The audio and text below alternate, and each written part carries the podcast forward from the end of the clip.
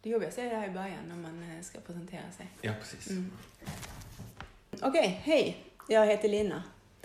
Jag, eh, det här, jag hatar att presentera mig själv. Ja, men Det är det bara- värsta jag vet. Ja. När, folk, när, folk, när jag träffar folk och de bara, vad gör du? Så blir jag alltid helt så här bara, "Eh, jag vet inte vad jag gör. Nej, jag brukar säga att hon är som riktig forskare. Ja, men det är inte jag säger när jag träffar mina typ, så här, kollegor. Nej, det är klart. Vad gör du? "Ja, Jag är en riktig forskare. Nej, det, är typ, det kan du inte säga. Vad brukar du säga? Jag vet inte. Ibland säger jag... eh, Det beror, nej, är jag, är jag bland naturvetare och säger att jag är akvatisk biogeokemi. Mm. Så vet de ändå inte riktigt vad det är, men de bara, aha, lite av vatten, okej. Mm. Och sen säger jag Akvatisk. kanske att jag forskar på kolcykeln i sötvatten. Ja. Jag brukar säga så här. Folk brukar säga så här, varför flyttade du till Norge? Och så säger jag, för att min eh, fru doktorerar på universitetet. Och så säger hon- de så här, vad doktorerar hon i? Och så säger jag, eh, akvatisk biogeokemi.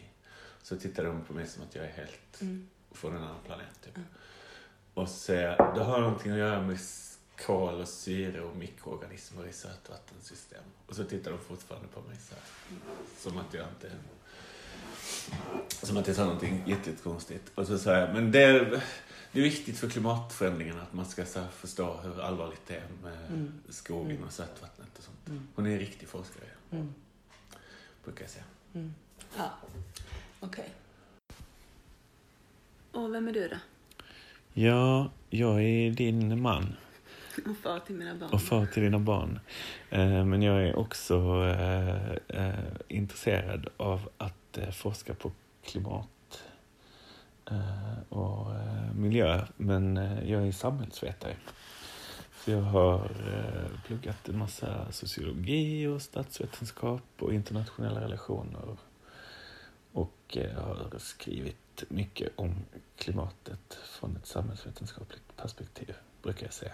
Ja, just det. Eller om folk frågar mig så brukar jag säga att jag studerar klimatförändringarna från, fast från ett samhällsvetarperspektiv. Eh, och eh, beroende på vem jag pratar med så kommer jag kanske in lite mer på hur pass kritisk jag är i den forskningen. Eller så håller jag det på en lite mer generell nivå. Smart. Eh, nej, vi kanske ska presentera idén med den här podcasten, eller den här, eh, det här samtalet. Vad som är meningen med att vi s- spelar in vårt samtal i soffan. Ja. Ja. Ehm, ja, jag tänker att tanken är väl på något vis att vi vill ehm, ha ett samtal med en naturvetare och en samhällsvetare Ja, precis. om eh, olika om fenomenet klimatförändringarna idag. Ja, precis. Eh, att vi är väl båda två eh, eh, har väl eh, alltid varit intresserade av miljöproblem i en större, i vidare bemärkelse. Och specifikt av klimatförändringarna. Det var ju så vi träffades Mm. en gång i tiden. Eh, och sen eh, har vi gift oss och eh, fortsatt att forska på varsitt håll. Och Lina är naturvetare och jag är samhällsvetare. Så att vi eh, närmar oss eh, de här frågorna från varsitt håll. Och då tänkte vi att det kunde vara intressant att eh, prata om dem och eh, spela in det vi säger för att dela med oss av det. Eh, får vi se om någon annan tycker det är intressant. Men idag ska vi prata om en artikel eh, som du kan få presentera. För att, Ja, det kom en artikel i Nature, en kommentarartikel, så den är väl eh, inte en klassisk eh, tung vetenskap, naturvetenskaplig artikel utan mer en kommentar. mm, Där eh, ett gäng kända framstående klimatforskare skriver om eh, fenomenet eh, tipping points. ja, Ehm, vad är en tipping point? en tipping point är... ehm, om vi tar till exempel det, eh, i- smältning av is. Så menar man, så när det blir varmare så börjar sm- isen smälta. Mm, Eh, och sen så rör den sig då, om man säger att, det- och det, då säger vi att den här smältningen är pro- processen, den processens smältning rör sig upp för den här backen. Mm. Eh, och när den har nått toppen så är det tipping pointen. Mm. Eh, och om det då fortsätter att bli lite varmare så kommer den att då går den ner för backen. Ja. Det betyder, och då kan den inte komma upp igen. Liksom, Nej. att då, då kommer den att smälta. Ja. Liksom. Okej. Den kommer Ja. inte att frysa på igen Nej. och, och bli större igen, den här isen. Så man rullar en, en tunna upp för en backe. Och när man har kommit över en viss punkt så börjar den rulla ner på andra sidan. Ja. Och då rullar den inte upp igen av Nej. sig själv. Kan man väl säga. Ja. Mm. Precis. Ja. ja. Okej. Och det de har, eh, vad står det i artikeln? Den här artikeln, de här... ehm, De delar in eh, jordsystemet i 15 stora huvudsakliga tipping elements, kallar de det för. Mhm. Ehm, och det är då bland annat västantarktiska istäcket, Ja. Grönlands istäcket. Ja. Ehm, det är permafrost i Sibirien. Det är också vissa havsströmmar. ja. De har alltså kvantifierat någon slags eh, värden för när de här tipping pointsen... Ja, Närmar precis. sig. De har de här tipping-elementsen och de rör på sig. De, Ja. de förändras i och med klimatförändringarna. Ja. Och, och så har de då sagt att de här rör sig åt det här hållet och sen så kommer det en tipping point. Mm. Ehm, och så kollar de på hur, hur långt de här olika elementen har nått Ja. i, sin, i sin förändring. Ja. Och då visar de på att till exempel vä- västantarktiska istäcket har, eh, menar de på, har passerat sin tipping point redan. Ja. Eh, vilket betyder att den specifika ismassan kommer att, att smälta. ja. Den vilket kommer- i sin tur kommer leda till en havsnivåökning. Ja, precis. Så den kommer, det finns inget, som, s- inget eh, system som kommer att få den att- att frysa igen. Alltså det kommer inte bli, den kommer inte börja frysa igen utan den kommer fortsätta smälta. Ja, Eh, eftersom att... ehm, Även, om vi, s- även om alla utsläpp skulle stoppa imorgon så kommer den att fortsätta smälta. ja, Ja. för att även om alla utsläpp skulle smälta imorgon Mm. så har vi ju redan... Kol- koncentrationen av koldioxid i atmosfären Mm. har ju redan nått över 400 Mm. ppm. Ja. Och det kommer ju inte att minska. Nej, precis. Eh, och den ökningen av koldioxidkoncentration ehm,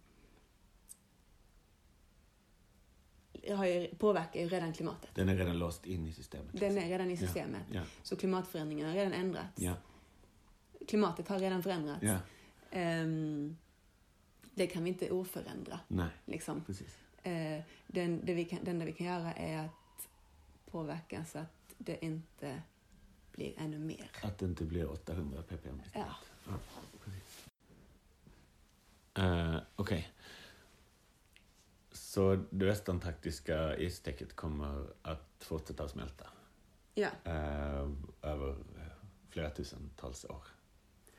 ja beroende på hur... Eh, alltså hur snabbt det går beror på hur, hur mycket mer koldioxid vi, vi släpper ut. Ja, precis. Ehm, men det är också för att... Okej, så det, det de menar på och har sett också nu att, för att första gången de presenterade den här idén med, med sina tipping elements och Ja. tipping points Ja. så menar de på att eh, det var en gräns på fem graders medeltemperaturökning. Ja. Okej. Ehm, som, som skulle vara här, om, vi, ö- om, tem- om, medeltem- om jordens medeltemperatur ökar med fem grader Mm. så kommer den, det, vi att nå den här tipping pointen. Ja. Ehm, men sen har man sett bevis då på att, att eh, den kanske redan är passerad Ja. fast medeltemperaturen bara ökat med typ en grad. ja. Ehm, Det är alltså värre än vad man trodde att det var. För att, för att eh, de här feedback-mekanismerna Mm. eh, var väl starkare än man trodde. Ja. Eller liksom. Ja. Mm. Och den feedbackmekanismen handlar om att, om att när det blir mindre is så minskar albedoeffekten. Alltså då reflekteras mindre solljus bort från, från, från jordytan och istället för att eh, värmestrålningen går ut i rymden så stannar den i havet. Mm. Och då blir havet varmare och då värms isen upp snabbare. Precis. Så då Mm. smälter det ännu mer is, Mm. vilket Mm. påverkar, alltså vilket ökar takten på avsmältningen. ännu Ja, mer. ja. Så det, ja precis. Så Västantarktis är, är, är goodbye, men inte de närmaste tio åren. Nej. Nej, de skriver om tusentals år liksom. Ehm, mm. Ja, precis. Och, ehm, och även, eh, och så skriver de också då om att det är flera av de här andra tippingelementen som, eh, som har rört på sig mer än vad man trodde och Mm. att kanske Mm. något, några av dem också, också är, är nära sin Ja. tipping point. Precis. Amazonas var det ju massa prat om i somras när det brann. Eh, när Ja. det var så mycket Ja. fokus på eldarna, eller bränderna i Amazonas. Ja. Att det här kanske innebär att vi Ja, har nått en tipping point för regnskogen också. ja. Och den, den påverkar vi ju, eller människan, väl- i väldigt hög grad också eftersom att man, Ja. man hugger ner ganska mycket Ja, precis. regnskog. Ja.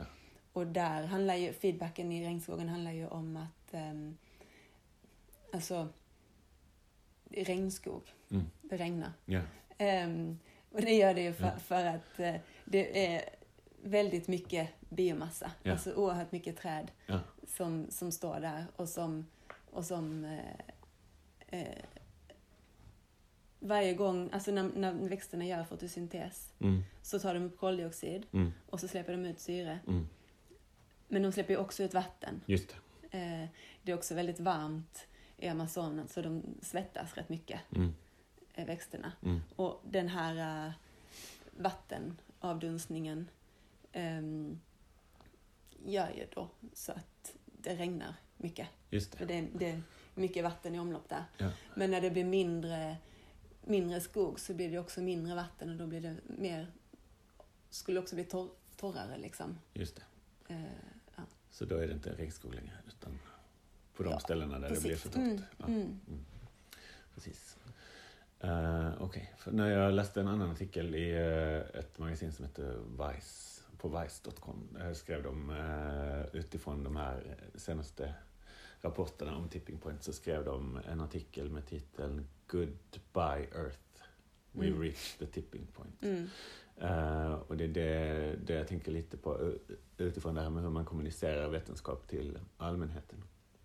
Att eh, i den artikeln som s- publicerades i Science, eller är det Nature? Nature. Nature. Så eh, är de ju noga med att säga att det här, vi har sett att en av de här tipping, eh, inte pointsen, men tipping eh, elementsen, eh, har, nä- har passerat sin tipping point. Eh, men att eh, huruvida effekten, eh, vad effekten blir är beroende på hur, hur vi hanterar eh, klimatomställningen. Om vi lyckas eh, minska uppvärmningen eller inte så kommer det bli eh, mildare eller värre effekter av Mm. den här tipping pointen. Men om man läser en sån artikel som, eller om man läser till och med bara en rubrik på en artikel eh, i sitt sociala medieflöde så är det ju lätt att man går därifrån med, med intrycket att nu eh, är det kört. Liksom. Om man läser Goodbye Earth, We've reached the tipping point så tänker man att nu är det klimatet, eh, nu är det kört, nu är det för sent. Liksom. Nu kommer eh, jorden gå åt helvete och det finns ingenting vi kan göra.